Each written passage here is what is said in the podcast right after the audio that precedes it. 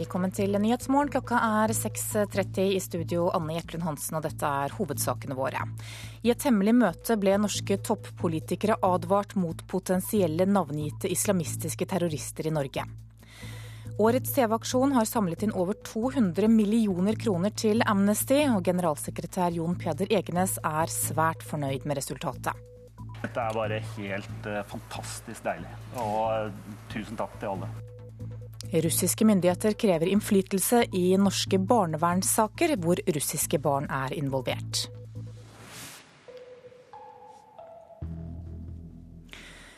Norske toppolitikere ble på et hemmelig stortingsmøte advart mot potensielle navngitte islamistiske terrorister i Norge, det skriver Dagbladet. På møtet skal flere potensielle islamistiske terrorister ha blitt navngitt. Ifølge Dagbladet orienterte både justisminister Grete Faremo og forsvarsminister Anne Grete Strøm-Eriksen på det hemmelige stortingsmøtet som fant sted 1.10. Med seg hadde de ledelsen i både Politiets sikkerhetstjeneste, Forsvarets etterretningstjeneste og Nasjonal sikkerhetsmyndighet. Totalt skal det være i overkant av 40 personer i Norge som blir sett på som mulige og farlige terrorister, og flere av disse reiser mye til konfliktområder. Onsdag forrige uke bekrefta sjef for Forsvarets etterretningstjeneste Kjell Grandhagen for Dagsrevyen at norske radikale muslimer kjemper med Al Qaida. Når det gjelder Syria, så uh, mener vi i dag at det er eh, minst syv uh, nordmenn som deltar i denne typen uh, operasjoner, sammen med Al Qaida-relaterte grupper. Noen av disse ble navngitt på det hemmelige møtet, skriver Dagbladet. Videre hevder avisa at frykta for et terrorangrep i Norge aldri har vært større, ifølge PST og E-tjenesten. Og det sa reporter Ole Marius Rørstad. Utenlandske etterretningstjenester kan være ute etter norsk teknologi, det forteller Politiets sikkerhetstjeneste. Både norsk og dansk sikkerhetstjeneste bekrefter at de har registrert en økt pågang fra andre lands etterretningstjenester i nordområdene. Det er spesielt teknologi knyttet til Arktis som er av interesse for andre land. Det sier direktør Rolf Tamnes ved Institutt for forsvarsstudier. Men det ligger i kortene at viktige deler av norsk næringsliv og industri er høyteknologi, og dermed vil være av stor interesse for andre, andre nasjoner og tjenester. Også seksjonssjef for kontraetterretning i Politiets sikkerhetstjeneste, Erik Haugland, bekrefter at norske bedrifter som driver med ledende teknologi knyttet til Arktis, er mål for utenlandsk etterretning. Han beskriver en typisk metode for industrispionasje slik. Kan man eh, oppsøke eh, den institusjonen eller det firmaet som har den teknologien, og så kan man f.eks. presentere seg som en mulig forretningspartner. Det gjør man ofte ved kanskje å prøve å, å få til en eh, relasjon til en av de ansatte, og få opparbeidet seg et tillitsforhold, og få vedkommende allikevel til å gi fra seg denne teknologien.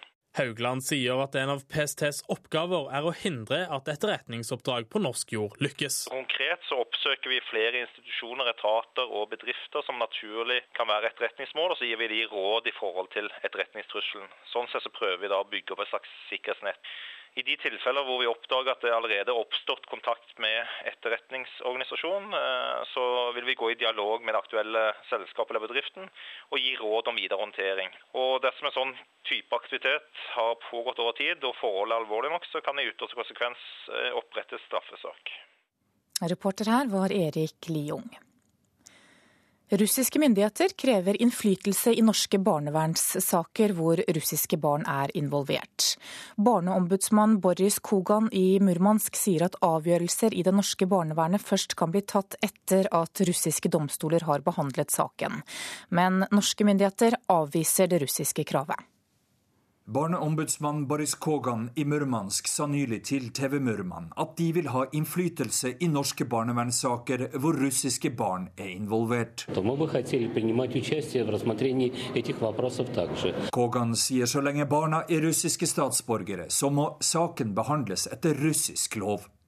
Han sier det norske barnevernet ikke kan fatte vedtak i slike saker før en russisk domstol har kommet med en avgjørelse. Det norske barnevernet kjenner til russernes ønske om å bestemme i deres saker. Her er regiondirektør i Bufetat Nord, Pål Christian Bergstrøm. Slik norsk barnevernlov er utforma i dag, så er det ikke aktuelt eh, å komme eh, inn i enkeltsaker og utøve slik innflytelse. Utspillet fra Barneombudet i Murmansk er ikke første gang russiske myndigheter viser misnøye med norsk barnevern. I september i fjor møtte den russiske presidentens representant for barns rettigheter, Pavel Astrakhov, daværende barne- og familieminister Audun Lysbakken. Astrakhov foreslo opprettelse av en bilateral kommisjon som skal gi råd i barnevernssaker der russiske og norske statsborgere er involvert. Barnevernssaker i Norge og i Finland har fått stor medieoppmerksomhet i Russland. En russisk aksjonsgruppe sier norske myndigheter har stjålet 15 barn fra russiske mødre i Norge. Regiondirektør Pål Christian Bergstrøm i Bufetat mener forskjellen i virkelighetsoppfatning handler om at man i Norge og i Russland har forskjellig utgangspunkt i forholdet til barna. Det er barnets beste som ligger til grunn for det vedtaket som gjøres, og ikke foreldrenes interesser. Og norske og russiske barnevernsmyndigheter skal møtes i november og diskutere det russiske kravet. Reporter her, det var Morten Ruud. En av de svenske aktivistene fra Gaza-båten Estelle er skilt fra de øvrige aktivistene og brakt inn for retten i Israel. Det svenske utenriksdepartementet opplyser at de ikke har fått vite hva den svenske aktivisten Drår Feiler er anklaget for. Ifølge Ship to Gaza, som har organisert seilasen, skyldes særbehandlingen at Israel ser på Feiler som israelsk. Årets TV-aksjon har samlet inn over 200 millioner kroner. Det er fortsatt mulig å gi penger, men generalsekretær Jon Peder Egenes i Amnesty sier at målet er nådd. Ja, For meg er dette målet. Altså, Vi fikk ikke lov til å si at de hadde et mål, eh, men vi har nådd det. Og dette er bare helt uh, fantastisk deilig. Og uh, tusen takk til alle. Hvor er kameraet? Jeg kan si det. For han, han store òg. Det betyr vel at altså, TV-aksjonen har en gjennomslagskraft. Det når fram til folk. Ja, altså den er, den er gedigen. En av de virkelig største dugnadene i verden. Og han beviste det i år igjen. Jeg er veldig imponert over det norske folk. Og det sa kringkastingssjef Hans Tore Bjerkås. Intervjuer her, det var Erik Torstvedt. Og Kari Bukker, du er aksjonsleder for TV-aksjonen 2012. Vi hørte at Amnesty er svært fornøyd med resultatet. Hva kan du si om oppslutningen i år? Du, Oppslutningen i år har det ikke vært noen ting å si på. I alle kriker og kroker, i alle kommuner i hele Norge, så har det vært eh, veldig bra bøssebæredekning. Og det er jo det vi først og fremst er opptatt av i TV-aksjonen. Ja, Hvordan vil du beskrive givergleden da i år sammenlignet med i fjor f.eks.? Givergleden har også vært eh, helt eh, enorm. Altså, det å nå et mål på over, eller nå, eh, over 200 millioner kroner er helt fantastisk. Vi må, skal ikke glemme at vi starter på null hvert eneste år. Og det er et enormt løft. Så jeg vil si det at folk gir virkelig så, så det svir. Ja, I hvilken grad er givergleden avhengig av hva pengene går til? Vi ser jo litt, grann, eh, litt grann ulikt fra år til år. Eh, men stort sett så syns jeg folk er veldig flinke til å gi til TV-aksjonen og til, eh, til, både til Amnesty og til TV-aksjonen. Så jeg vil si Det at det er, det er jevnt trøkk, og så har man noen, noen, små forskjeller. Men hva som er utslagsgivende, kan jeg egentlig ikke si om det er saken eller om det er andre ting. Det kan like gjerne være været på enkelte steder. Hvor i landet har folk gitt mest? Du vet hva det er nok en gang, så er det Sogn og Fjordane. Der er de veldig, veldig glade i å gi til TV-aksjonen. Men det er bare marginalt uansett, altså. Hva kan du si konkret om hva pengene skal brukes til? Du, Pengene skal eh, bl.a. brukes til å eh, jobbe med ytringsfrihetsarbeid i Russland. Det er et av områdene. Eh, det skal også gå til å bekjempe voldtekter som våpen i krig og konflikt. Et tredje område så skal Amnesty også stiller store multinasjonale selskap til ansvar når de bryter menneskerettigheter. Det er også blitt eh, auksjonert bort eh, ulike ting. Hva har folk vært mest interessert i? Jeg lurer på om ikke det har vært disse Justin Bieber-konsertbillettene med personlig møte med Justin Bieber. Her er det noen foreldre som er nødt til å hente, grave litt ekstra dypt i lommebøkene sine. Ja, hvor mye måtte man betale for et møte med Justin Bieber? Eh, du vet hva, Sist gang jeg så, så var de oppe i 70 000 kroner. Så um, det koster. Hvorfor er dette, denne TV-aksjonen et så stort løft? Hvorfor er det så stor oppslutning hvert eneste år?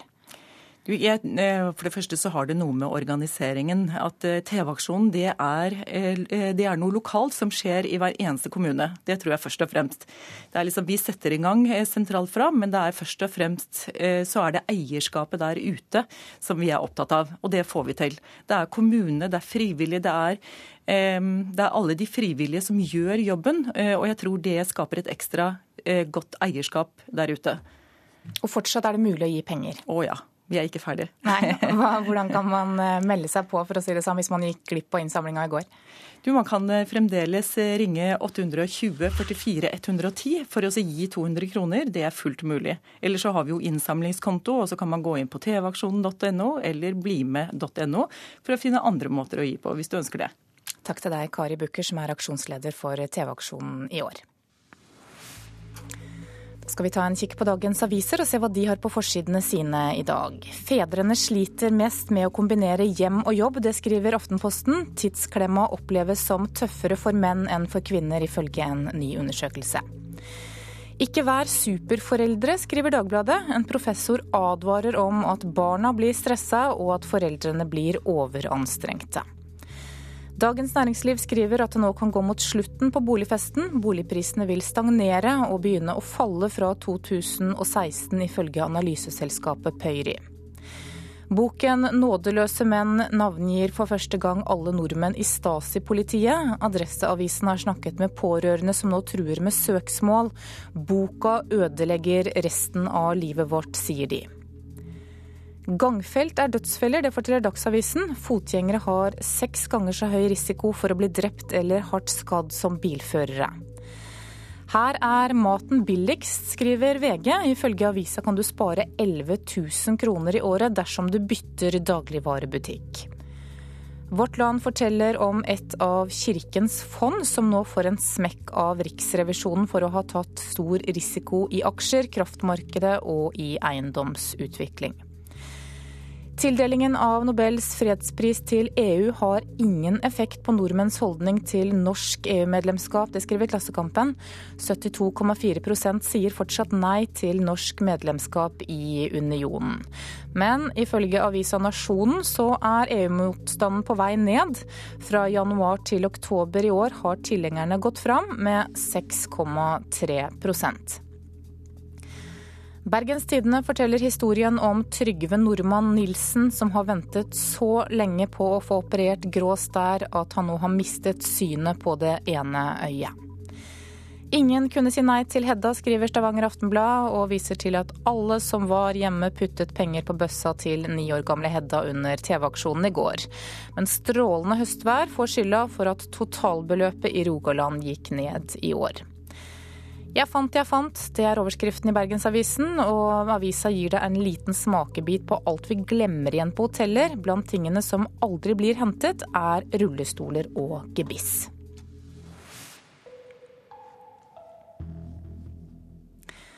Skal vi ha sport. Gullkampen i Eliteserien i fotball er svært jevn. Rosenborg og Molde har like mange poeng når de to lagene møtes neste helg. Og i går så ble det poengdeling mellom Strømsgodset og Molde i en spennende fotballkamp. Og det heades én gang, og det skyter! I mål! I mål! Jarl André Storbekk sørget for at Strømsgodset fortsatt henger med i gullkampen. 1-1 i toppoppgjøret mot uh, Molde. Det betyr at det er helt jevnt i toppen av tabellen. Rosenborg og Molde begge 52 poeng. Trønderne med bedre målforskjell enn Molde. Og Ole Gunnar Solskjær sier Molde må være fornøyd med ett poeng i denne kampen. Nei, vi, vi spilte en god fotballkamp og vi fikk et veldig viktig poeng mot et godt lag. Det eh, eh kommer til å bli tøft for Rosenborg her òg, tror jeg. Men eh, nå på søndag kommer det jo en ny kjempeviktig kamp for eh, dere. Hva tenker du nå om, eh, om det da som kommer i neste serierunde? Det er sånn fotball skal være. Nå er vi akkurat likt, og vi har fordelen av hjemmebane. og vi vi, vi, møter et uh, veldig veldig godt fotballag. Rosenborg har uh, henta gode spillere, så de begynner å, å, se ut som gode, gamle Rosenborg igjen. Men vi, jeg synes vi, i dag ser vi ut som uh, gode, gamle Molde. Vi, og det, det, er fart i kontringa. og Det som var kanskje det Første gang så var vi ikke akkurat der. Da var vi ikke så bra som vi har vært i år. Strømsgodset-trener Ronny Deila sier spillerne hans var preget av stundens alvor. Ja, Det ble en for viktig. Det var bygd opp rundt århundrets kamp osv. Det er klart at det er, eh, det er eh, Hele byen står på huet. Det er ting som spillere ikke er så vant til som, eh, som kanskje andre lag er. Så dette er god læring hele veien. Så vi kom ikke opp på det nivået, toppnivået vi kan, men samtidig så klarte vi å få med oss poenget mot et meget godt fotballag, og det, det skal vi ta med oss. Reporter var Pål Thomassen. Du hører på Nyhetsmorgen i NRK P2 og Alltid nyheter. Klokka har passert 6.45, og dette er hovedsaker i nyhetene i dag. I et hemmelig møte ble norske toppolitikere advart mot potensielle navngitte islamistiske terrorister i Norge. Vi har gitt over 200 millioner kroner til Amnesty under årets TV-aksjon. Filmekspert tror det blir færre norske skrekkfilmer i fremtida. Om noen få minutter skal vi til Skrekkfilmfestivalen i Oppdal, som ble arrangert i helgen.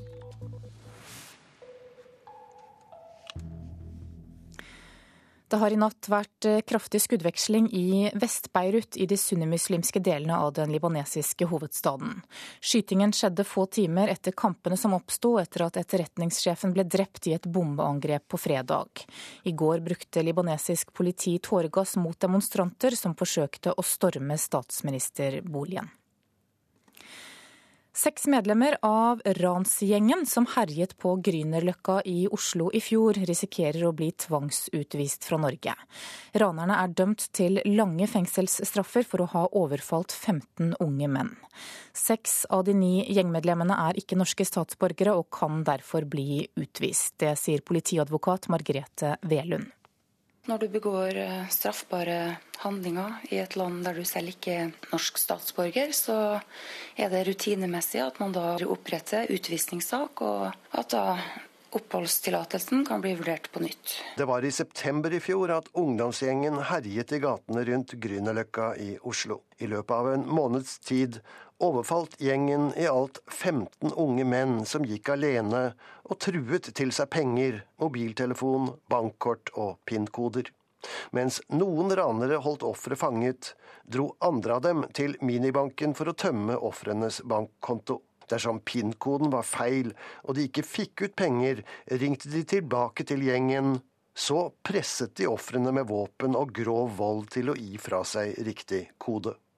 De seks som risikerer utvisning, kommer fra land som Brasil, Angola, Nigeria og Dominikanske republikk. Etter å ha endt opp i kriminalitet kan de nå bli tvangsskilt fra familie i Norge og sendt tilbake til fattigdommen der de kom fra. Politiet ser jo svært alvorlig på de her type ransgruppene, eller grupperingene, og setter jo også inn ressurser deretter for å få løst de her gruppene og få stilt for retten. Men de utvises jo til altså, fattigdom og land der de ikke har noe særlig bedre tilknytning enn det de har her i Norge, og er det riktig? Ja, Det kan jo selvfølgelig det kan de risikere. Men uh, påtalemyndighetens fokus i saken er jo de fornærmede som har blitt utsatt for um, brutale ran, har utsatt for alvorlige trusler og også ganske omfattende vold. Ranerne er dømt til fengselsstraffer for opptil fem og et halvt år. Men statsadvokaten mente det var for mildt, og anket dommen. Også flere av de andre dommene er anket. Borgarting lagmannsrett skal denne uken avgjøre om straffutmålingen er riktig i saken. Reporter her var Kjell Wesche. I går var det nøyaktig 50 år siden hurtigruteskipet Sankt Svithun forliste utenfor Vikna i Nord-Trøndelag. 41 mennesker omkom i ulykken da skipet gikk på grunn og sank. Og i går så var det blomsterseremonier både på havet og ved minnebautaen på Nordøyan i Vikna. Og alle oss i Stavanger skal hvile i fred. På vegne av Hurtigruten ansatte på sjø og land, så minnes vi hendelsen for 50 år siden. Fred over minnet. Vikna kommune, Røvik havn.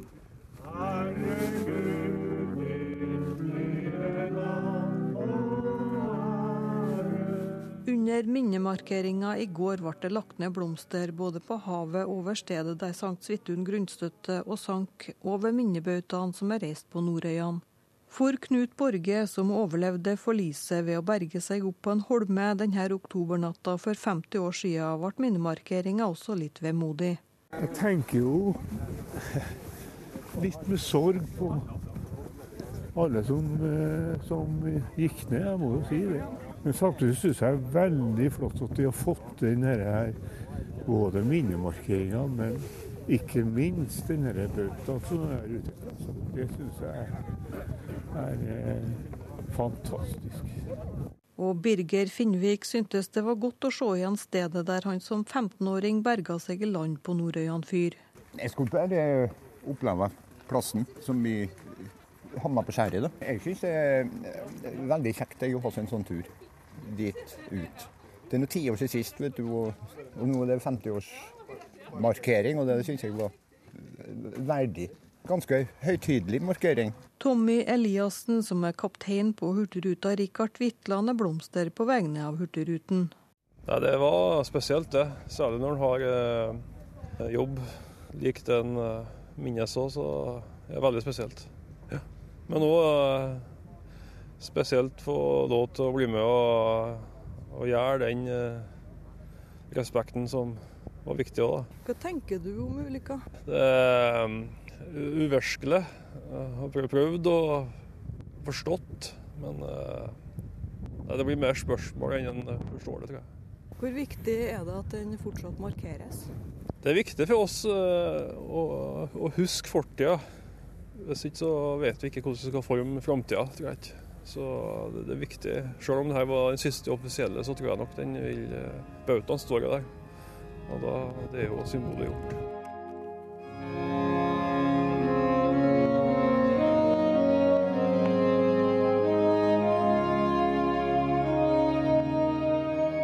Til slutt var det minnegudstjeneste i Garstad kirke, og ansvarlig for minnemarkeringa, Arild Jensen, kunne oppsummere markeringa.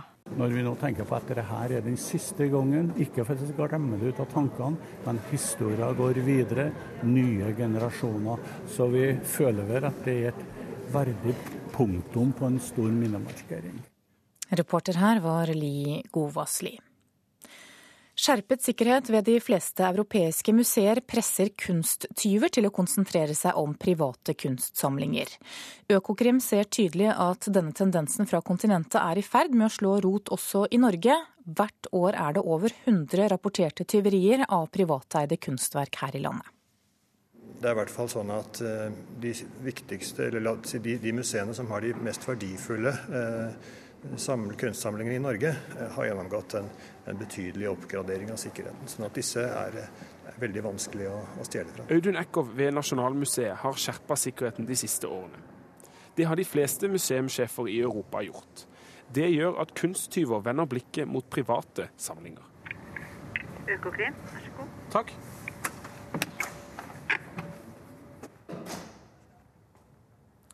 Overbetjent Kenneth Bendiksen ved Økokrim ser en tydelig tendens til at private bilder fra private samlinger blir offer for tyveri. Senest forrige måned ble flere verdifulle malerier stjålet fra et hjem på Hamar. Du fjerner ikke kunsttyveriene. Vi skyver kunsttyveriene. Det er det som skjer. Eh, og da eh, går vi der det er minst motstands vei, og der er det de som har eh, private samlinger, som er veldig mye verdt. Og da snakker vi om flere titalls tyverier i løpet av et år? Å ja.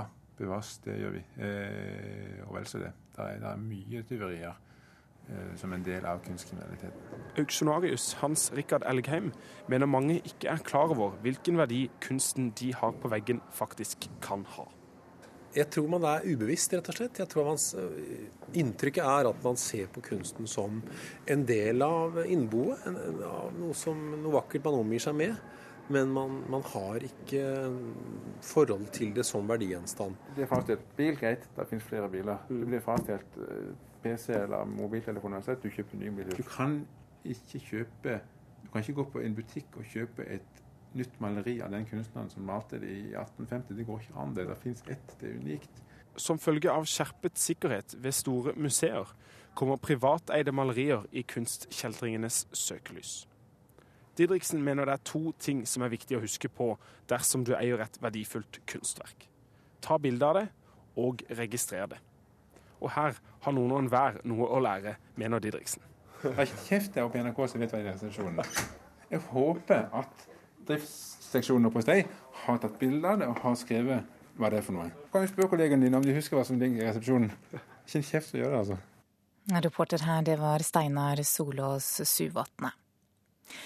Det kommer til å bli laget færre norske skrekkfilmer i framtida, det tror en ekspert vi har snakket med. For andre år på rad ble det arrangert skrekkfilmfestival i Oppdal i Sør-Trøndelag i helga. 55 timer med film, men ikke bare skrekk og gru.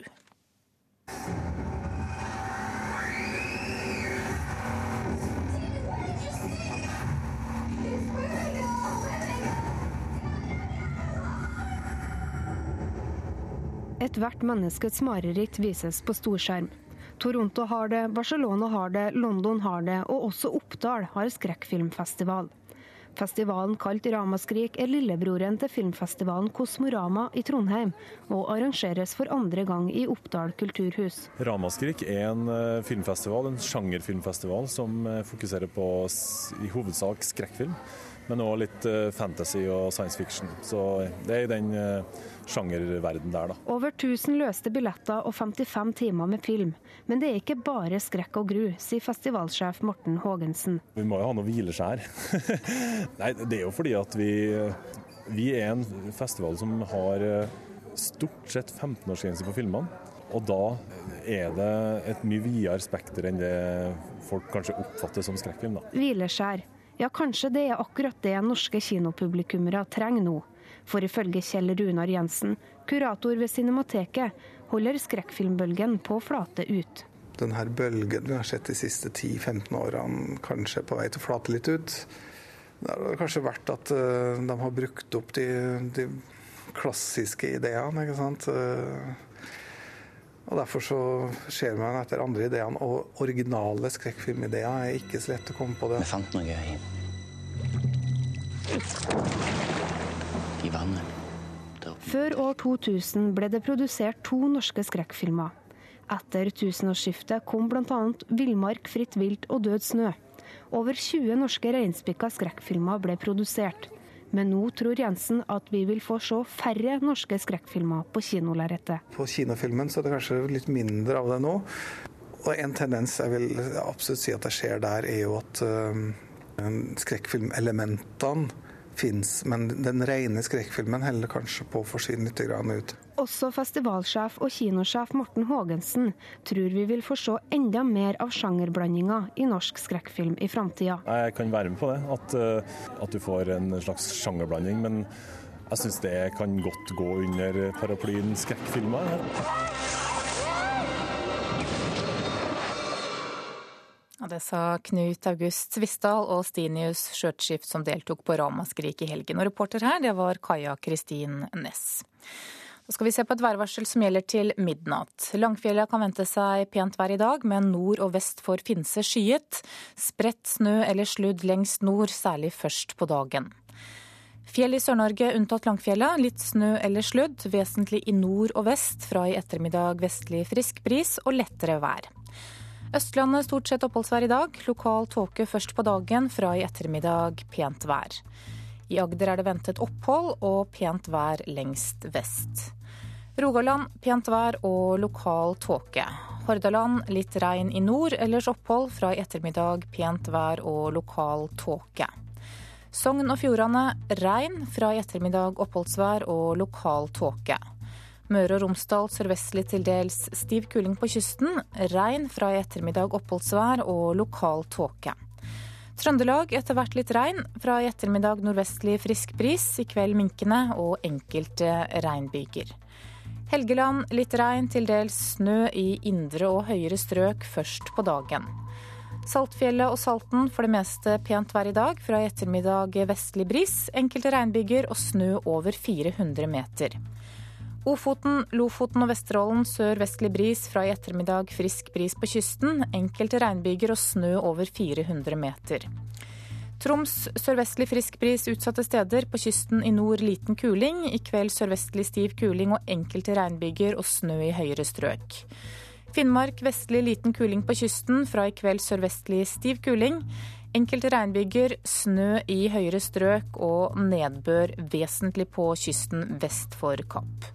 Og på Nordensjøland på Spitsbergen er det ventet eh, skiftende bris i dag. I kveld nordøstlig liten kuling utsatte steder og enkelte snøbyger. Og det er ventet uendret eller litt lavere temperaturer i Sør-Norge og på Spitsbergen, stigende i Nord-Norge.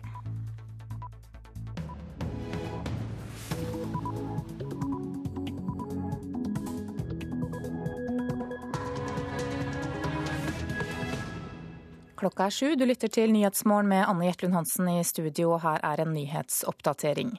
En ny bok offentliggjør navnene på norske politimenn som arresterte jøder og henrettet motstandsfolk under krigen. Ved å navngi så er man så tydelig og konkret som mulig på hvem som eh, gjorde hva. Sier forfatteren Eirik Veum. TV-aksjonen har samlet inn over 200 millioner kroner til Amnesty. Kringkastingssjefen er imponert over dugnadsinnsatsen. Ja, så den er, den er gedigen. En av de virkelig største dugnadene i verden. Og han beviste det i år igjen. Jeg er veldig imponert over det norske folk. For tre uker siden ble norske toppolitikere advart mot potensielle navngitte islamistiske terrorister i Norge. Totalt skal det være i overkant av 40 personer i Norge som blir sett på som mulige og farlige terrorister. Ifølge Dagbladet så var møtet hemmelig. Veidirektoratet vil slå sammen norske bompengeselskaper for å redusere byråkratiet, men bransjen selv frykter at store selskaper kan føre til flere bompengebyråkrater.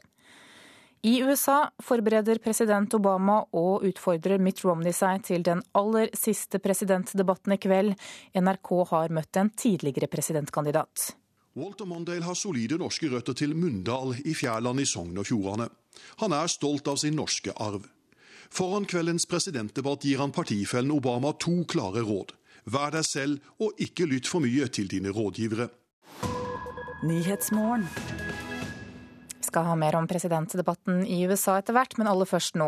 I en ny bok offentliggjøres navnene på nordmenn som var med på å arrestere jøder, og som torturerte eller henrettet norske motstandsfolk. Mange av dem som arresterte jødene, tilhørte det nazistiske statspolitiet. Men også vanlig politi deltok, sier forfatteren av boka 'Nådeløse nordmenn', NRK-journalist Eirik Veum. Det jeg gjør som ikke har vært gjort tidligere, er at jeg også offentliggjør hvem som var med på å arrestere jødene. Hva slags rolle de hadde under aksjonen. Sjefen for sikkerhetspolitiet, hirdsjef og generalmajor Martinsen, er falt som offer for et feigt bakholdsattentat av betalte terrorister. Rapport fra begravelsen til Carl Martinsen, sjefen for statspolitiet i februar 1945. Ministerpresident Quisling. Reichskommissær Boven. Martinsen ble likvidert av heimefronten og som hevn ble 28 motstandsfolk henretta på Akershus festning. Og det var altså andre nordmenn som skjøt. I boka trykker Eirik Veum 72 navn på nordmenn som var med på de her og andre henrettelser av motstandsfolk. Ja, Så langt så har det vært helt ukjent for de fleste at 72 eh, norske polititjenestemenn eh, henrettet eh, folk fra motstandsbevegelsen mot slutten av krigen. Veum forstår at det kan virke opprivende, men han mener det er nødvendig med navn både på ofre for torturen og navnene på nesten 1000 statspolitifolk. Ved å anonymisere så ville man eh, kastet en mistanke over mange som ikke var involvert. Ved å navngi så er man så tydelig og konkret som mulig på hvem som eh, gjorde hva. Seniorforsker Terje Embeland ved Holocaust-senteret forsker på norsk politi sin rolle under krigen. Han er delt i synet på den over 1000 sider tjukke boka 'Nådeløse nordmenn', som kommer ut i dag. Det er et stort arbeid. Vi har for første gang mellom to permer fått en katalog over statspolitiets brutalitet under krigen. Og det er viktig i dag, hvor veldig mye litteratur har vært uh, opptatt av at NS-folk var ikke så ille, og de ville jo bare det beste osv. At det var faktisk en, et brutalt undertrykkende regime hvor nordmenn deltok. Hva er problematisk med den? Ja, Det er kanskje ikke så problematisk at han navngir alle statspolitiansatte, selv om det er en etisk spørsmål som kan diskuteres. Eh, å melde seg inn i statspolitiet var en politisk valg. Man stilte seg på okkupantens side eh, i undertrykkelsen av norsk motstand. Eh, det som er mer problematisk, er, ikke, er, at vi ikke riktig vet hvor han har kildene fra. fordi det er nokså uklart eh, hvor disse kildene som han bygger sine eh, fremstillinger på, kommer fra. Du har rundt 1800 navn i den boka. Hvor mange flere bøker regner du med å selge ved å trykke så mange navn? Det er ikke viktig for meg at, uh, om denne boken selger eller ikke. Det som er viktig her, er at uh, det som står der, uh, er et viktig bidrag til norsk krigshistorie. Og reporter her, det var Kjartan Røslett. Nina Drolsum Kroglund, du er forfatter og historiker og har gitt ut bøker om nordmenn som samarbeidet med tyskerne. Flere etterkommere reagerer sterkt på at disse navnene offentliggjøres. Hva syns du?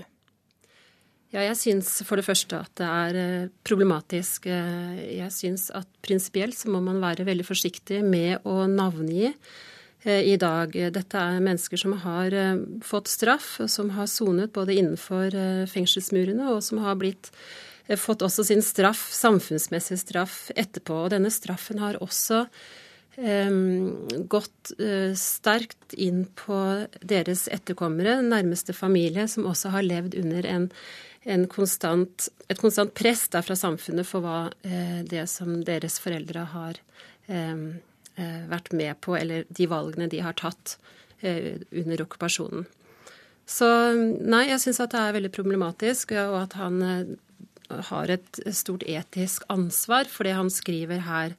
Det har gått veldig lang tid siden okkupasjonen av Norge nå, og, men fortsatt er det veldig mange som syns at dette er um, vanskelig. Det er veldig vanskelig, det er mange følelser involvert her. Det har vært veldig mye skam forbundet til um, dette her, da. Ja, for vi ser Pårørende sier til Adresseavisen i dag at boka ødelegger resten av livet deres. Hvorfor framkaller en slik bok så sterke følelser? Ja, det er jo nettopp det fordi um, at den skammen som, som er påført eh, familiemedlemmer, og særlig da eh, barn av eh, de som var involvert i slike handlinger eh, under krigen.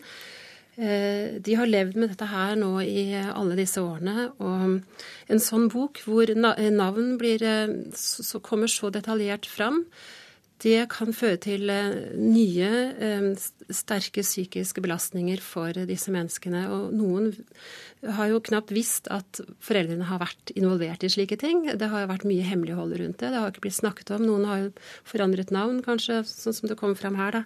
Eh, og det betyr jo at det har vært en helt klar stor belastning. og og hva Eirik Veum ønsker å få fram ved å presentere disse navnene, det er helt uklart for meg. For jeg tror at den historien kunne ha blitt fortalt.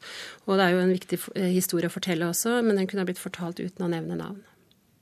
Ja, for eh, Veum sjøl sier at, dette, at, det viktige her er at dette er et bidrag til norsk krigshistorie. Hvordan vurderer du det?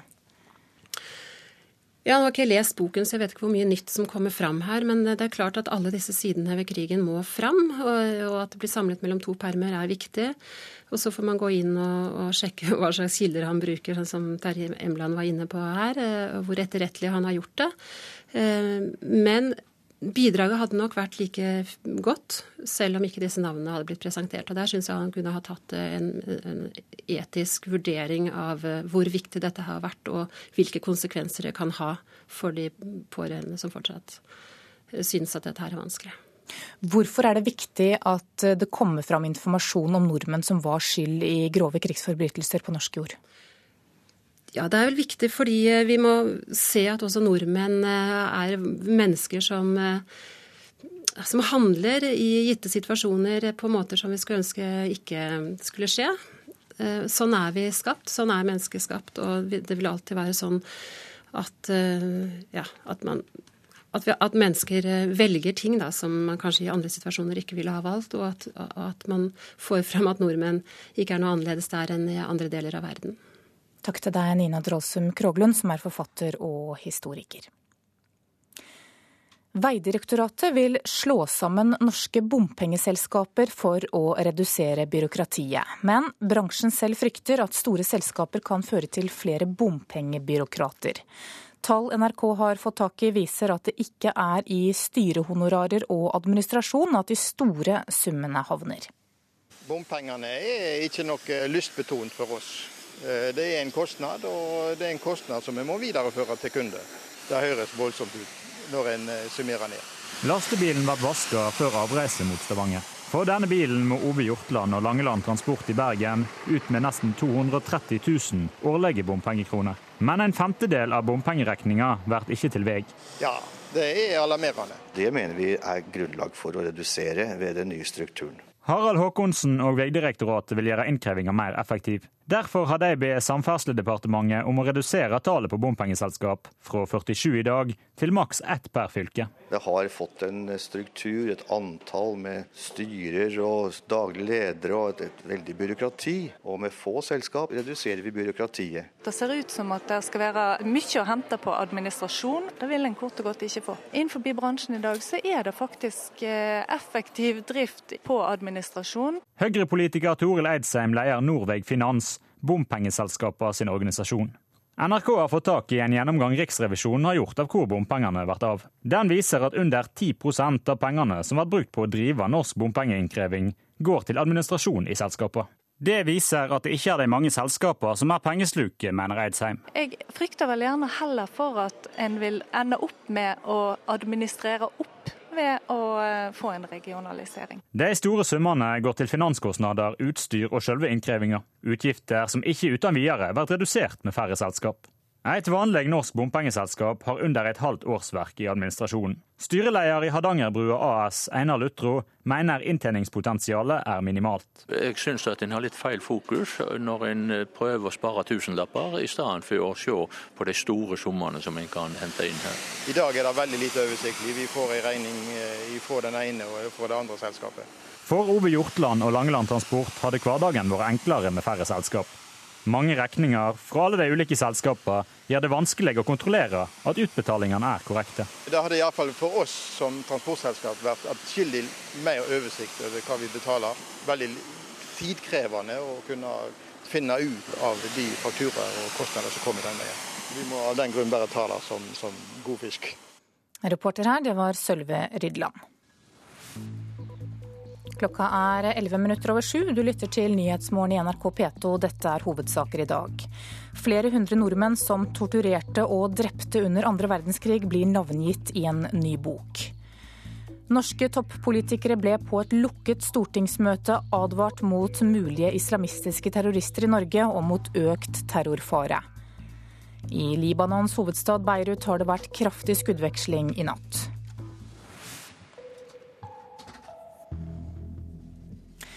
I USA forbereder president Obama og Mitt Romney seg til den siste presidentdebatten i kveld. Og tema for debatten er utenrikspolitikk. Tidligere visepresident Walter Mondale vet hva som står på spill. I et eksklusivt intervju med NRK gir han kandidatene råd om å droppe å lytte for mye til rådgiverne foran kveldens avgjørende debatt. Han er den nålevende mest prominente norsk-amerikaner, Walter Mondale. Det skyldes hans tjeneste som USAs visepresident under Jimmy Carter for 30 år siden. Den demokratiske ekspolitikeren følger nøye med i årets presidentvalg, og tør ikke å spå hvem som vinner. Polls, Romney, Obama. Right now, uh, it's very, very close. And uh, it's anybody's guess how it's going to come out. Um, I, I don't know. Walter Mondale vet hva det handler om. Han utfordret i 1984 president Ronald Reagan som demokratenes presidentkandidat, men tapte så det suste. I en av TV-debattene den gang tok Reagan brodden av sin egen høye alder ved å se på Mondale og si at han ikke ville gjøre det til noe poeng at Mondale var mindre erfaren og yngre enn ham. Replikken vises den dag i dag på amerikansk fjernsyn. I will not make age an issue of this campaign. I am not going to exploit for political purposes my opponent's youth and inexperience. Mondale tror kveldens siste presidentdebatt mellom Obama og Romney kan bli avgjørende for å kapre de usikre velgerne. They tune in on these televised debates because they think, well, maybe I'll hear something or see something that will help me decide. And so um, it has enormous effect upon the outcome of elections when it's close. Walter Mondale har solide norske røtter til Mundal i Fjærland i Sogn og Fjordane. Han er stolt av sin norske arv. Foran kveldens presidentdebatt gir han partifellen Obama to klare råd. Vær deg selv, og ikke lytt for mye til dine rådgivere. Be yourself.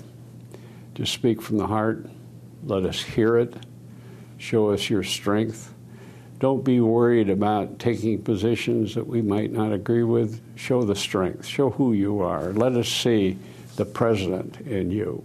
And when I went through those debates, you know, I had a million different advisors, all had a different idea. And maybe all of them were good, but they weren't necessarily my ideas. And so I finally decided look, I'm going to be, it may not be good enough, but I'm going to be Walter Mondale here. And I'm going to say what I think, and I'm going to put it my way.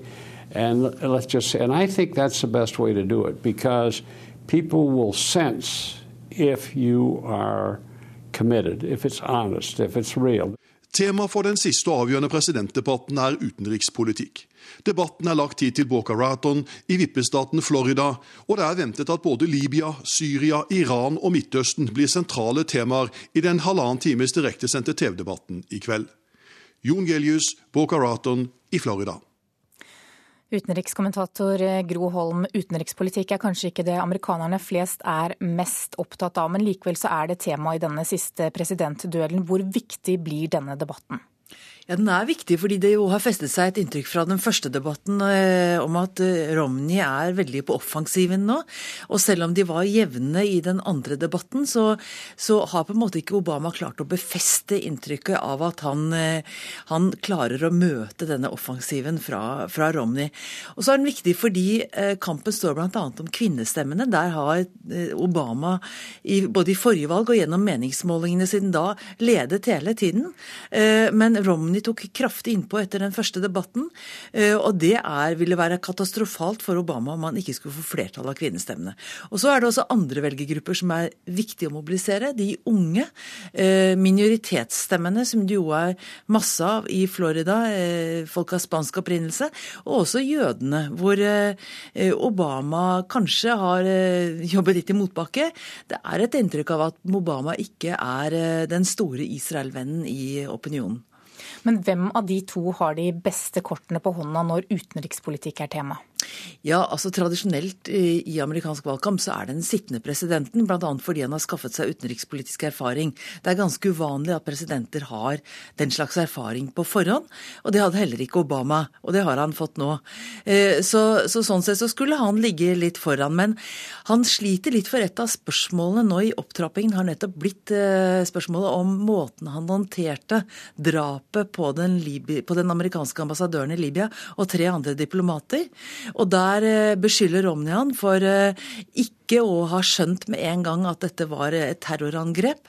For at han prøvde å unnskylde angrepet med at dette var folk som reagerte på den anti-islamske den filmen om Mohammed eh, som ble produsert i USA, og som demonstrerte, og så gikk så å si demonstrasjonen litt av skaftet. Eh, og det endte med fire diplomaters død. Eh, Obama skal også ha fått etterretningsrapporter på forhånd som han ikke har tatt nok hensyn til, om at det var noe på gang. Og dette vet Romney å utnytte. og Eh, og det har skapt litt tvil om også om Obama som ekte patriot og om Obama som statsleder. Men hva blir viktigst, hvordan de to framstår, eller det utenrikspolitiske innholdet i det de sier? Ja, begge, deler er, begge deler er viktig, og jeg vil nok kanskje holde en knapp på litt hvordan de framstår. Altså det, det, er viktig at ingen av dem gjør alvorlig feil. Eh, og kanskje særlig Obama, som forventes har den nødvendige erfaringen. At ingen gjør alvorlig feil, sier noe som er fakta galt, eller dummer seg ut, kommer med en replikk som siden kan brukes i eh, drittpakker mot den andre, det er, eh, det er veldig viktig. Eh, og så er jo dette her med Amerikas framtid, altså hvilken framtid USA skal ha i eh, verden framover, det er nok et slags underliggende hovedspørsmål. Og da er det viktig å fremstå som tilstrekkelig patriot. Og der vil jo Romney forsøke å si at eh, Obama er ikke tilstrekkelig på hugget når det gjelder Iran, har ikke vært nok villig til å hindre at Iran skaffer seg atomvåpen, og heller ikke støttet opposisjonen i Syria nok. Har vært for treg og for tilbakeholdende, for forsiktig. Takk til deg, Gro Holm. Rundt 500 personer brøt seg inn i nasjonalforsamlingen i Libya. Demonstrantene krevde en slutt på angrepene mot Bani Walid, en by med mange Gaddafi-tilhengere. Militsgrupper har i flere dager skutt artilleri mot Bani Walid. 22 personer er drept og over 200 er såret i kampene. Den tyske statsministeren Angela Merkel vil i dag avduke et minnesmerke over personer fra romfolket som ble drept av nazistene. Over en halv million romfolk ble drept i konsentrasjonsleire. Monumentet ble planlagt allerede i 1992, men strid om man skulle bruke betegnelsen rom eller sigøyner har ført til at det tok 20 år før monumentet var klart. I Libanons hovedstad Beirut har det vært kraftig skuddveksling i natt. I går forsøkte demonstranter å storme regjeringsbygningen, og det var harde kamper mellom politiet og demonstrantene som krevde at statsministeren må gå av. Og alt dette skjer altså etter begravelsen av Libanons etterretningssjef som ble drept på fredag. Seniorforsker Kari Karame ved Norsk utenrikspolitisk institutt kjenner Libanon godt. Og Karame, hvordan vurderer du den politiske situasjonen i Libanon i øyeblikket? Ja, den er jo mulig enda mer spent. uh, og også uoversiktlig, fordi at uh, det vel går i retning av at statsministeren må gå av, altså regjeringen må gå av. Men hvor fort det skjer, det, det, vet man jo selvsagt ikke. For presidenten prøver å få han til å sitte litt lenger, mens opposisjonen pusser veldig på. Ja, hvorfor må han gå? Uh, fordi at den regjeringen støtter regimet i Syria og opposisjonen, og antagelig også majoriteten av befolkningen i Libanon etter hvert, ser her en forbindelse mellom drapet på etterretningssjefen og, og Syria, regimet i Syria. På hvilken måte da? Fordi at For et par måneders tid siden så ble en tidligere statsråd arrestert. Det er liksom det klareste eksempelet. Eh, og han hadde da sprengstoff i bilen sin som skulle nordover i Libanon for å eh, begå attentater, bli brukt i attentater der. Eh, det foreligger da opptak av telefonsamtaler mellom han og folk i den syriske etterretningstjenesten som bekrefter dette oppdraget. Og han tilsto også dette i første omgang. Så gikk han ifra det, men bevisene er jo der. Opptakene er der. Vi hører jo at det er veldig spent. Vil det roe ned situasjonen dersom statsministeren går? Det er jeg ikke helt sikker på. Fordi at det spørs jo, Dette her som eh, skjedde i natt, nå vet vi jo ikke så mye om det, men dette skjedde i et område i Beirut hvor eh, både, si, både sjiamuslimer og sunnimuslimer bor tett opptil hverandre. Altså De bor blandet, de kan bo i samme hus, faktisk. Eh, så der har det vært flere sammenstøt over flere år nå, faktisk. Så om dette er da en ny runde av de vanlige sammenstøtene, eller om vi er tilbake til, mai, nei, til mai 2007, eh, hvor det var skikkelige sammenstøt med, med tunge våpen. Det, det, må vi nesten vente i løpet av dagen, eller et par dager og se. altså. Eh, mange libanesere frykter nå at konflikten i Syria eh, skal smitte over på Libanon. Er det, det noe vi eh, ser konturene av?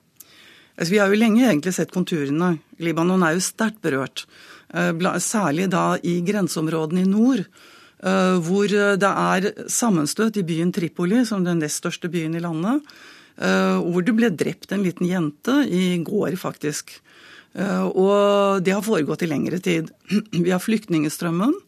Og økonomien, som man jo nå ser veldig klart henger godt sammen, som er veldig dårlig i Libanon. Og så er det da hele den politiske landskapet som blir lammet, fordi eh, det er omtrent like stor opposisjon og posisjon i Libanon. Og de som sitter i regjeringen, støtter altså regimet i Syria. Og Derfor blir det et veldig, veldig lammet politisk landskap. De klarer ikke å ta noen eh, hva skal vi si, viktige avgjørelser, da. Takk til deg, Kari Karama. Da skal vi ta en kikk på dagens aviser og se hva de har på forsidene sine i dag. Fedrene sliter mest med å kombinere hjem og jobb, skriver Aftenposten. Tidsklemma oppleves som tøffere for menn enn for kvinner, ifølge en ny undersøkelse. Ikke vær superforeldre, skriver Dagbladet. En professor advarer om at barna blir stressa og at foreldrene blir overanstrengte. Dagens Næringsliv skriver at det nå kan gå mot slutten på boligfesten. Boligprisene vil stagnere og falle fra 2016, ifølge analyseselskapet Pøyri. Boken 'Nådeløse menn' navngis eh, gang, der navngis for første gang alle nordmenn i Stasi-politiet. Adresseavisen har snakket med pårørende som nå truer med søksmål. Boka ødelegger resten av livet vårt, sier de. Gangfelt er dødsfeller, forteller Dagsavisen. Fotgjengere har seks ganger så høy risiko for å bli drept eller hardt skadd som bilførere. Her er maten billigst, skriver VG. Ifølge avisa kan du spare 11 000 kroner i året dersom du bytter dagligvarebutikk. Vårt Land forteller om et av Kirkens fond som nå får en smekk av Riksrevisjonen for å ha tatt for stor risiko i aksjer, kraftmarked og eiendomsutvikling. Tildeling av Nobels fredspris til EU har ingen effekt på nordmenns holdning til norsk EU-medlemskap, det skriver Klassekampen. 72,4% sier fortsatt nei til norsk medlemskap i unionen. Men ifølge avisa Nasjonen så er EU-motstanden på vei ned. Fra januar til oktober har tilhengerne gått frem med 6,3 prosentpoeng. Bergens Tidende forteller historien om Trygve Nordmann Nilsen, som har ventet så lenge på, på å få operert grå stær at han nå har mistet synet på det ene øyet. Jeg fant, jeg fant, skriver Bergensavisen, og gir deg en liten smakebit på alt vi glemmer igjen på hoteller. Blant tingene som aldri blir hentet, er rullestoler og gebiss.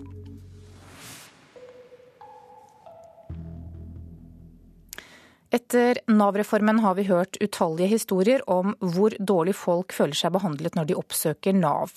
Helt til topps i departementet har dette vært et tilbakevendende tema.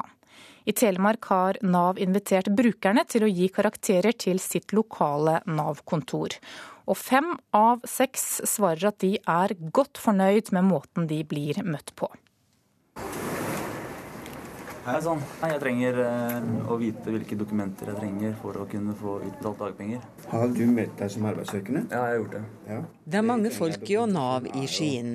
Rettlederne sitter på rekke og rad i sine båser, klare til å svare på spørsmål. Han trenger hjelp til å søke om dagpenger. Ja, den har jeg her. Men, eh, Hva tenker du om å komme hit da, til Nav?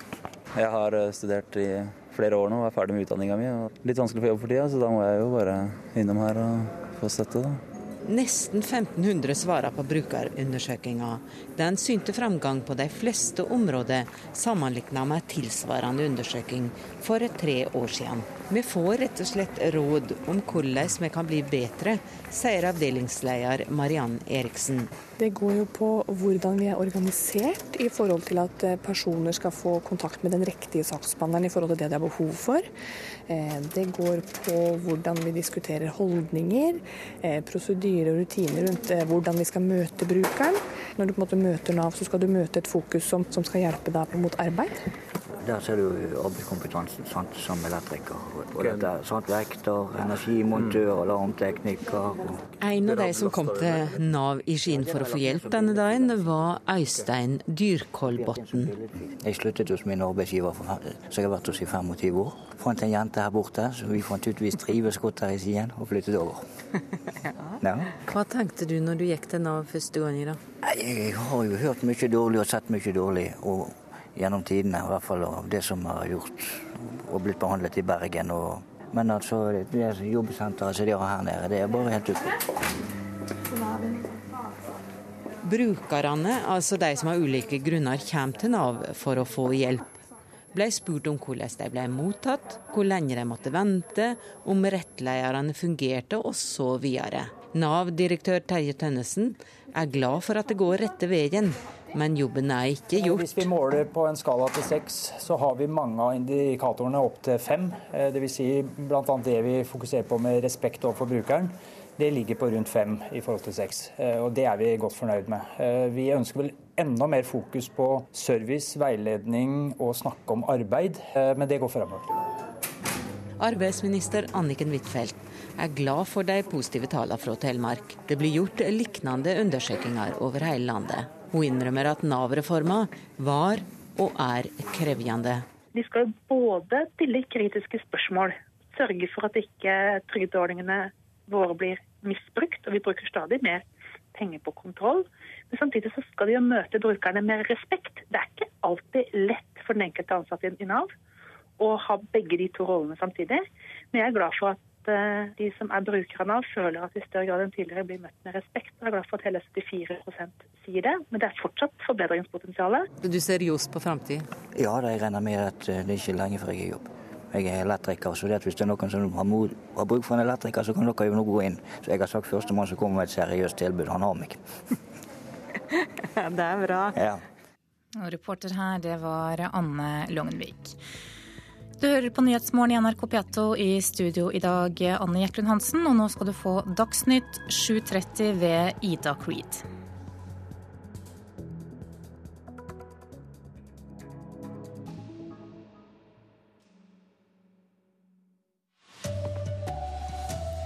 Nordmenn som torturerte og drepte under andre verdenskrig navngis i ny bok.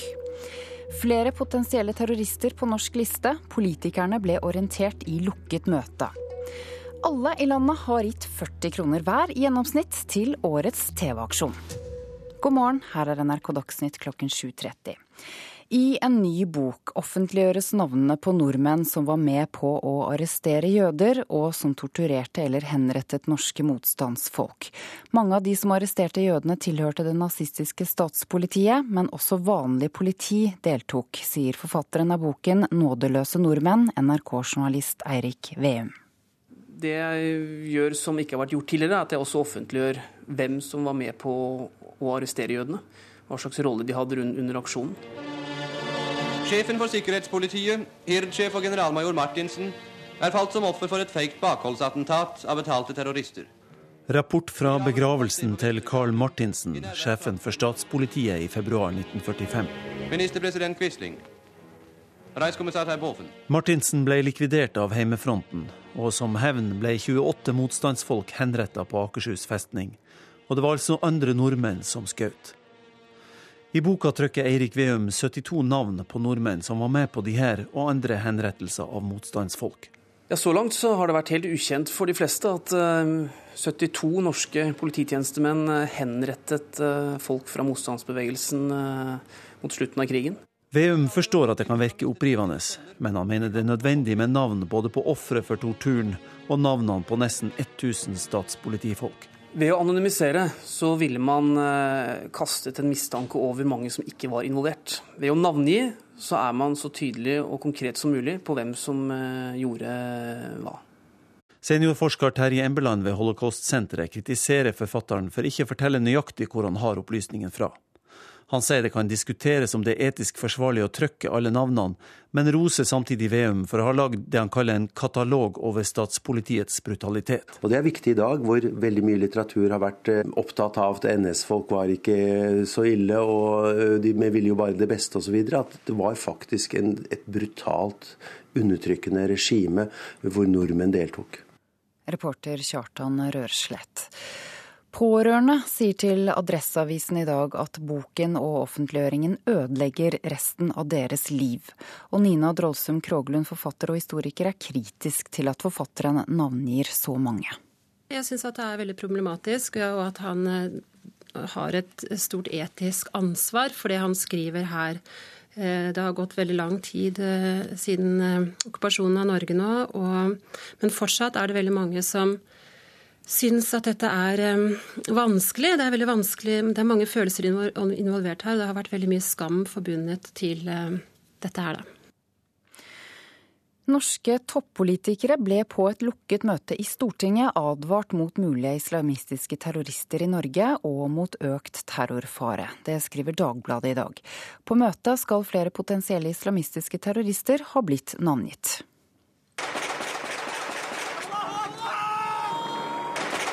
Kampene i Syria holder fram med uforminska styrke. Også flere nordmenn deltar, flere av dem med Al Qaida. Totalt skal 40 personer i Norge bli sett på som mulige og farlige terrorister. Mange av dem reiser til konfliktområdet. Flere har etnisk norsk opprinnelse, men har konvertert til islam. Disse og andre norske islamister ble nevnt med navn på et lukka møte i Stortinget sin utvida utenrikskomité 1.10. Onsdag i forrige uke bekrefta sjef for Forsvarets etterretningstjeneste, Kjell Grandhagen, for Dagsrevyen at norske radikale muslimer kjemper med Al Qaida i Syria. Når det gjelder Syria, så uh, mener vi i dag at det er eh, minst syv uh, nordmenn som deltar i denne typen uh, operasjoner, sammen med Al Qaida-relaterte grupper. Både justisminister Grete Farmo og forsvarsminister Anne Grete Strøm Eriksen orienterte på møtet. De hadde også med seg ledelsen i Politiets sikkerhetstjeneste, Forsvarets etterretningstjeneste og Nasjonalt tryggingsorgan. PST og E-tjenesten skal ha hevda at frykta for et terrorangrep i Norge aldri har vært større. Reporter Ellen Wiseth. Årets TV-aksjon har nå samlet inn over 200 millioner kroner. Det betyr at hver og en av oss i snitt ga 40 kroner. Pengene fra årets aksjon går til Amnestys arbeid for ytringsfrihet og menneskerettigheter. Og her er du, generalsekretær Jon Peder Egenes. Har du sovet i natt? Eh, I to timer. Hva syns du om eh, givergleden?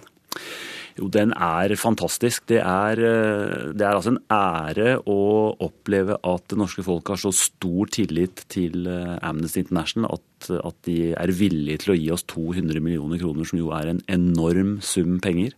Det er både til å bli ydmyka, til å bli stolt av, og så, og så forplikter det. Nå er det om å gjøre å vise i løpet av de neste årene at vi at vi leverer og, og, bruker pengene på den måten vi har sagt vi skal, og, og, det kan jeg garantere at vi skal. Ja, Hva skal dere bruke pengene til? Ja, Vi har eh, fem områder som, som, vi har skrevet om i søknaden. Det er arbeid for ytringsfrihet, mot diskriminering, eh, for kvinner som har vært utsatt for seksualisert vold i forbindelse med krig og konflikt. Vi skal jobbe eh, opp mot store transnasjonale selskaper som ikke respekterer menneskerettighetene, og vi skal jobbe i hele menneskerettighetsområdet eh, i Midtøsten og Nord-Afrika. Takk for at du kom i studio. Du ser trøtt ut, du får kanskje gå og legge deg litt til. Generalsekretær i Amnesty Jon Peder Egenes.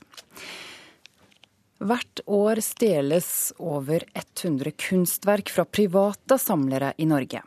Forrige måned ble malerier verdt to millioner kroner stjålet fra et hus på Løten i Hedmark. Kunstmuseer i Norge og i Europa har økt sikkerheten de siste årene, og dermed blir private hjem enda mer fristende.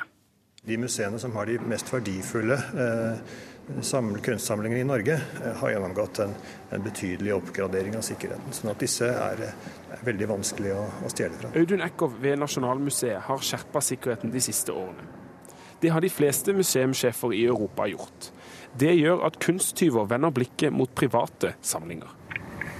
Økokrim, Overbetjent Kenneth Bendiksen ved Økokrim ser en tydelig tendens til at private bilder fra private samlinger blir offer for tyveri. Senest forrige måned ble flere verdifulle malerier stjålet fra et hjem på Hamar. Du fjerner ikke kunsttyveriene, vi skyver kunsttyveriene. Det er det som skjer. Eh, og da eh, går vi der det er minst motstands vei, og der er det de som har eh, private samlinger, som er veldig mye verdt. Og da snakker vi om flere titalls tyverier i løpet av et år? Å ja, bevares, det gjør vi. og vel så det. Reporter Steinar Solås Suvatne. Spesialenheten for politisaker bør legges ned, mener Petter Gottschalk, professor ved Handelshøyskolen BI. Båndene mellom politiet og spesialenheten som skal etterforske politiet, er så tette at det ofte ikke er noe poeng å anmelde politifolk. De slipper unna uansett, sier Gottschalk til VG. Spesialenhetens sjef Jan Egil Presthus er ikke enig. Han mener ordningen fungerer godt. Gullkampen i Eliteserien i fotball er usedvanlig jevn. Rosenborg og Molde har samme poengsum foran møtet mellom de to lagene neste helg. Strømsgodset ligger nå tre poeng bak. I går ble det poengdeling mellom Strømsgodset og Molde i en spennende fotballkamp. Og det heades én gang, og det skyter! I mål! I mål! Der Jarl André Storbekk sørget for at Strømsgodset fortsatt henger med i gullkampen. 1-1 i toppoppgjøret mot uh, Molde. Det betyr at det er helt jevnt i toppen av tabellen. Rosenborg og Molde begge 52 poeng. Trønderne med bedre målforskjell enn Molde. Og Ole Gunnar Solskjær sier Molde må være fornøyd med ett poeng i denne kampen. Nei, vi, vi spilte en god fotballkamp og vi fikk et veldig viktig poeng mot et godt lag. Det uh Eh, det kommer til å bli tøft for Rosenborg her òg, tror jeg. Strømsgodset-trener Ronny Deila sier spillerne hans var preget av stundens alvor. Nei, ja, Det ble for viktig. Det var bygd opp rundt århundrets kamp osv. Det er klart at det er, eh, det er eh, Hele byen står på huet. Det er ting som spillere ikke er så vant til som, som kanskje andre lag er. Eh, så dette er god læring hele veien. Så vi kom ikke opp på det nivået, toppnivået vi kan, men samtidig så klarte vi å få med oss poenget mot et meget godt fotballag, og det, det skal vi ta med oss. Reporter Pål Thomassen hadde laget denne saken. Menn føler oftere enn kvinner at jobben går utover familielivet. De sliter også med å få tid til fritidsaktiviteter. Det skriver Aftenposten i dag, som viser til arbeidslivsbarometeret til IS. Over 3000 kvinner og menn har besvart spørsmål om balansen mellom jobb og familieliv. Ansvarlig for Dagsnytt sendinger denne morgenen er Bjørn Christian Jacobsen. Teknisk ansvarlig er Per Ivar Nordahl. Jeg heter Ida Creed.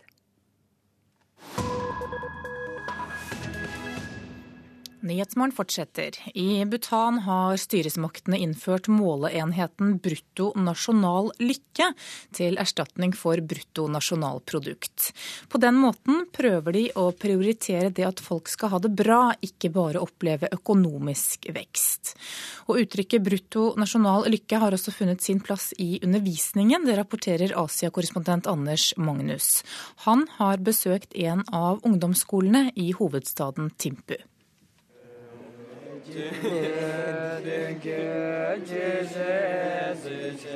Elevene står stramt oppstilt på rekke og synger den buddhistiske morgenbønnen. Alle kledd i skoleuniformer i tradisjonell stil.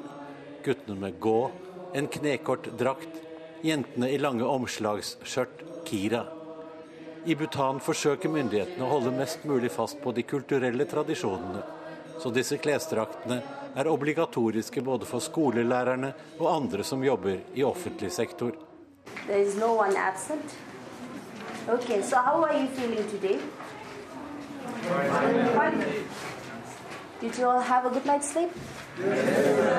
okay.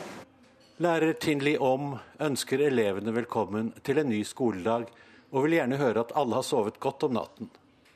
Åttende klasse ved ungdomsskolen Changzamtog i Bhutans hovedstad Timpu skal ha undervisning i historie. De får høre om Tysklands erobringer under annen verdenskrig, og læreren spør retorisk om Hitler er en helt. Do you find him as a great hero? So now you know the real meaning of hero.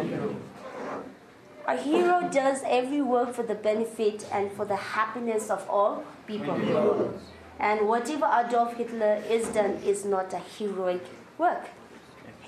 Are you getting me? Okay. Læreren forsøker å inkludere den nye nasjonale måleenheten brutto nasjonal lykke i alle skolefagene. How important is uh, the concept of gross national happiness uh, in your uh, teaching?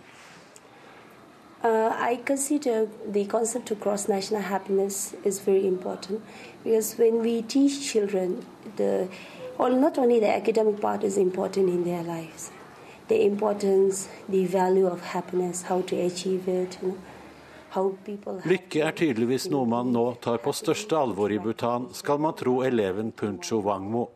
Hun er tillitsvalgt for alle jentene på ungdomstrinnet. Are you a happy girl?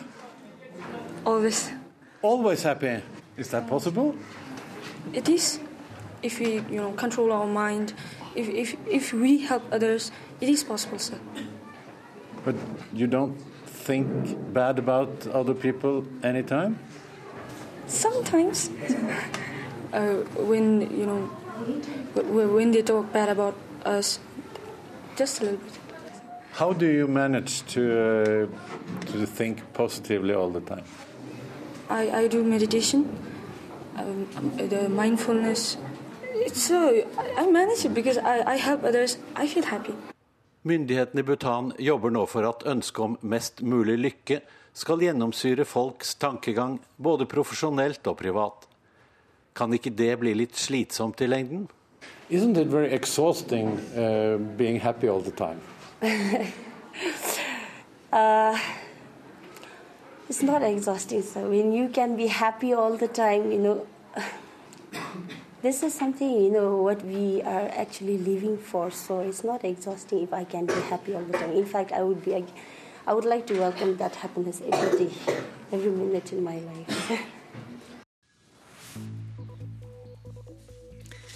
Klokka nærmer seg 7.45. Du lytter til Nyhetsmorgen. Dette er hovedsakene våre nå. En ny bok offentliggjør navnene på norske politimenn som arresterte jøder og henrettet motstandsfolk under krigen. 40 potensielle terrorister med opphold i Norge står på norsk liste. Politikerne ble orientert i lukket møte for få uker siden. Og alle i landet har gitt 40 kroner hver i gjennomsnitt til årets TV-aksjon.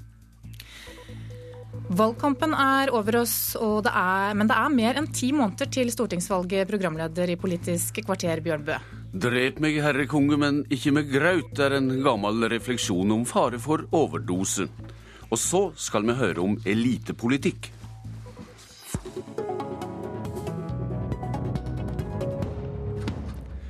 I går erklærte både SV og Venstre at de nå åpner en valgkamp som skal vare fram til september neste år. Ja, SV myldrer alt i dag ut i gatene for å syne seg fram, partileder Audun Lysbakken? Ja, vi skal ha mer enn 150 eh, ulike arrangementer i hele landet de neste to ukene. Så vi eh, begynner den tidligste valgkampen i SV sin historie. Og det er jo fordi det står mye på spill for oss. Vi eh, er den fremste stemmen for miljø og rettferdighet i. Norge, og vi har en stor jobb å gjøre for å snu trenden på målingene. Leder i Venstre Trine Skei Grande, en så lang valgkamp må da tappe krefter både hjå dykk og hjå velgerne? Nei, Vi i Venstre vi syns det er morsomt å drive valgkamp. Vi. vi ser på det som en liten venstrefestival. Og det vi starta nå, vi har, Det første vi starter med, er at vi skal ut og ha en skolekampanje og besøke skoler rundt omkring i landet og høre hvordan skolehverdagen er for lærere og elever rundt omkring i landet. Det kommer tilbake til både partiene sliter med sperregrensa på meningsmålingene, og både tevler på felles saksområde, nettopp som miljø og skole. I en flik av programutkastet fortalte SV lørdag at partiet vil berge miljøet med mindre vei i sentrale strøk og en storsatsing på tog over 20 år. Hvordan skal det, Lysbakken, med truværet, tevle med Venstre når det ikke kan syne finansieringsplan? Det kan vi jo med utgangspunkt i det vi har fått til. Vi har altså tredoblet jernbaneinvesteringene i de årene eh, SV har styrt. Vi har vist at vi eh, både er i stand til å bruke mer penger på samferdsel, men også få en vridning i miljøvennlig retning. Men i årene som kommer, så må vi prioritere enda skarpere. For det vi vet, er at vi både vil få en stor befolkningsvekst i Norge, og særlig i de store byene, samtidig som CO2-utslippene skal ned. Da må vi slutte å bygge store motorveier i de store byene, og så må vi heller konsentrere konsentrere oss om kollektivløft i de store byene, og så får vi bygge vei i de delene av landet der folk er mm. avhengig av bilen, i distriktene. Trine Skei Grande, det er med i kampen om å være det mest miljøvennlige partiet, og vil også ha mer tog. Men i helga var du nær sarkastisk til SVs planer? Nei, jeg syns jo det er veldig bra at SV sitter i denne regjeringa. For hadde det sikkert vært enda mye verre. Det er jeg veldig åpen på. Men eh, det jeg ser, det er at de nå har hatt makta i åtte år. Og hvis det statsbudsjettet som går gjennom nå, skal være det som er satsinga på tog, så ser vi at da vil de som går på ungdomsskolen i dag, kunne kjøpe honorbillett på det togsatsinga som denne regjeringa har lagt fram. Eh, vi mener at du må se på alternative finansieringer, se på mer kreativitet når det gjelder å få langsiktighet i togsatsinga. Der har vi lagt sammen et forslag om å bruke statsobligasjoner mm. som et grep. Vi sier at vi må gjerne komme med andre nye forslag til grep. Problemet her er at det er nesten alle partier, også SV, har sett på andre måter å få til langsiktig finansiering på, men Arbeiderpartiet stopper det. Er det en slags krybbebiting om miljøvelgerne mellom hardt prøva parti, Lysbakken? Nei, og det, jeg er opptatt av at det ikke skal være det. La meg, si det. La meg først si at vi har hatt en økning i investeringene på vei og bane på 64% i åtte årene vi har styrt. De seks årene før da Venstre satt i regjering, var det en økning på 6% Så vi har uh, all grunn til å være stolt av det løftet vi har fått. Men jeg har ikke tenkt å føre en miljøvalgkamp der det er Trine Skei Grande og jeg som skal krangle. Fordi uh, noen motsetninger går på tvers av blokkene i norsk politikk. Det er veldig ofte Venstre vi er mest enige med i miljøsaker. Derfor er den store utfordringen å få de store partiene til å snakke om miljø. Og så tenker jeg at vi har en arbeidsdeling. SV er miljøpartiet for velgere på venstresiden, som både er grønne, men som også vil ha en rødere fordelingspolitikk og et regulert arbeidsliv. Venstre får da være Miljøpartiet for velgerne på høyresiden, som kanskje er enig med Høyre i økonomisk politikk, men som er for en grønn miljøpolitikk. Det syns jeg er greit. Da uh, tenker jeg at vår felles jobb er å sørge for at valgkampen skal handle om klima. Jaha. Men da blir vel spørsmålet Grande, om hvordan du kan påvise at du kan få mer jernbane med høyresida enn det Lysbakken kan få til med Arbeiderpartiet etter valget neste høst? Ja, Det vi visste gjennom klimaforliket, var at vi kom veldig langt med Høyre. At vi klarte å få til veldig stor enighet på viktige klimasaker. Mm. Eh, og så er jeg enig med Audun at det er klart at hvis du er sosialistisk og grønn, så bør du stemme på han. Er du liberal og grønn, bør du stemme på oss. Mm. Eh, og sånn, eh, det, det er begge to sterke miljøpartier som er viktig å ha med i norsk politikk. Men det er jo veldig mange andre saker som skiller oss. Mm. Selv om vi er enige om at det er viktig å gjøre ting både når det gjelder jernbane og få til klimapolitikk i Norge som kan skape arbeidsplasser og en framtid som er ren, så er det, er det, mange andre ting vi er uenige om. Så får vi heller krangle om det tingene vi er uenige om. Lysbakken, slik som det ser ut på meningsmålinger akkurat nå for tida om holdning til ulike saker, så kan en vel lure på om eh, det ikke er eh, et spørsmål om eh, å forsyne seg av miljøvelgerne såpass mye at det taper begge to? Ja, Den store utfordringen er jo at det er for få eh, nordmenn som i dag sier at miljøet er avgjørende for hvordan de vil stemme i valget. Eh, og det er jo fordi det som er vår tids viktigste sak, ikke er øverst på den politiske dagsordenen. Eh, nylig så hadde vi trontaledebatt i eh, Stortinget. Jeg begynte den med å si at vår generasjon folkevalgte vi svikter det som er vårt største ansvar, hvis ikke vi setter klima øverst på dagsordenen. Men det var dessverre veldig få av talerne fra de store partiene som snakket om klima i den debatten. Og Det må forandre seg fram mot valget neste høst. Mm. Trine Skei Grande, du var inne på det. Venstre åpner altså den lange valgkampen med skolekampanje. Da du taler til landsstyret ditt i helga, Grande, da hørtes det ut som dette også er en kamp mot skolepartiet SV, som har styrt undervisninga siden 2005. Hvorfor? Ja, dette er i hvert fall et område der Venstre og SV er uenige. Om, eh, både når det gjelder prioriteringer og, og satsingene videre fremover. Men Båe vil være skoleparti? Ja, men hvis noen er opptatt av å få heldagsskolen, så bør de stemme på Audun Løisbakken. De er opptatt av å få flere gode lærere inn i norsk skole. Flere med doktorgrad, flere med femårig lærerutdanning. Hvis man ønsker å prioritere det, da bør man heller stemme på det liberale partiet Venstre. Fordi at vi satser på å få flere gode lærere inn i norsk skole, og ikke flere timer eller mer omsorg i skolen. Vi vil ha mer kunnskap inn i skolen. Audun Lysbakken, hvordan svarer du på at eh, eller den klager du får egentlig på den innsatsen de har gjort eh, som undervisningsparti i regjeringa? Jeg syns eh, Trine Skei Grande snakker ned kvaliteten på norsk skole. Den store jobben som er gjort for både å få flere lærere og for å løfte kvaliteten. Og vi har jo så målbare resultater. Norske elever leser og skriver bedre enn før. Eh, og det er en utvikling vi må fortsette. Den viktigste måten å fortsette den på, det er å få flere og bedre lærere. Derfor så ønsker vi å styrke retten til etter- og videreutdanning. Eh, vi ønsker økt lærertetthet. Det er vi i gang med allerede på budsjettet for neste år. Det kommer er det Grande snakker om også? Ja, og det hun snakker om, det gjør vi. Det kommer 600 nye lærere i ungdomsskolen eh, neste år. Men i tillegg så ønsker vi et kunnskapssyn i Norge der vi ser at det er ulike tiltak som må bygge opp under lærernes undervisning. Og når høyresiden, både høyre og venstre, ler av alle andre tiltak i skolen, f.eks. det vi kjemper for når det gjelder økt uh, bruk av mm. fysisk aktivitet, mer leksehjelp osv., så, videre, så tror jeg de tar feil. fordi alle unger er sånn at de trenger noe mer enn bare undervisningen for å lære. De trenger å bevege seg, de trenger å spise. Noen kommer fra hjem der de ikke får god nok mm. oppfølging hjemme. De trenger leksehjelp på skolen. Setter vi inn den type tiltak, så vil alle elever kunne få større utbytting av lærernes undervisning og lære mer. Det er da noen mener at det er en leikeskole de driver og fremgjør? Ja, og Det er å snu det helt på hodet, fordi vår hovedsatsing er flere og bedre lærere. Men i tillegg å bruke den tiden ungene allerede er på skolen. Og må jeg understreke, Det er ikke snakk om at de minste ungene skal være lenger på skolen, men utnytte den tiden de allerede er på skolen bedre. Det vil fremme læring. Ja, er ikke dette bra, Grande? Det er vel ikke dette som skal definere skoleskillnaden mellom Venstre og SV? Ja, La oss ta da leksehjelp. Det har denne regjeringa innført på en måte der de smører alt tynt utover, sørger for at vi ikke har faglærte til å gjøre jobben. Og NOVA, når de ikke gjør noe om dette, så viser det seg at det øker forskjellene i norsk skole. For det viktigste er faktisk å ha gode faglærte som hjelper unger med lekser hvis man skal gjøre det. Derfor så mener vi at dette må skolene mm. ha mye mer målretta i forhold til hver enkelt unge enn å innføre dette på enda flere trinn og vi ser at det øker forskjellene blant unger. Vi ser at denne regjeringa har ikke økt lærertettheten i hele tatt i hele tida. Vi ser at det lærere virkelig klager over i skolehverdagen, er byråkratiet. Du må gjøre noe med det skolebyråkratiet. Du må gjøre noe med alle de skjemaene som skal fylles ut, sånn at de får tida til å faktisk være ordentlige lærere.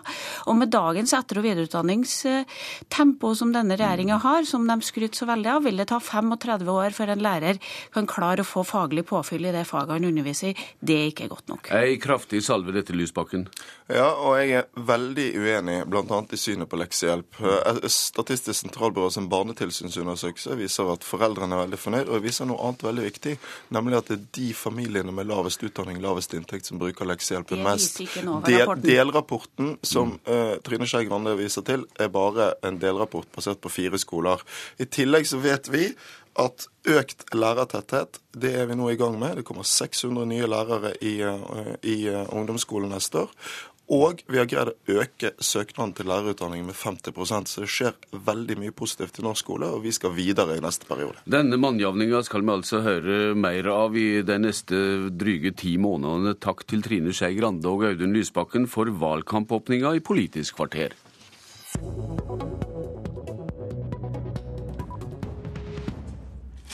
Disse to som var her, og alle de andre partiene setter sammen sine partiprogram for neste stortingsperiode nå for tida, gjennom drøftinger i partiene.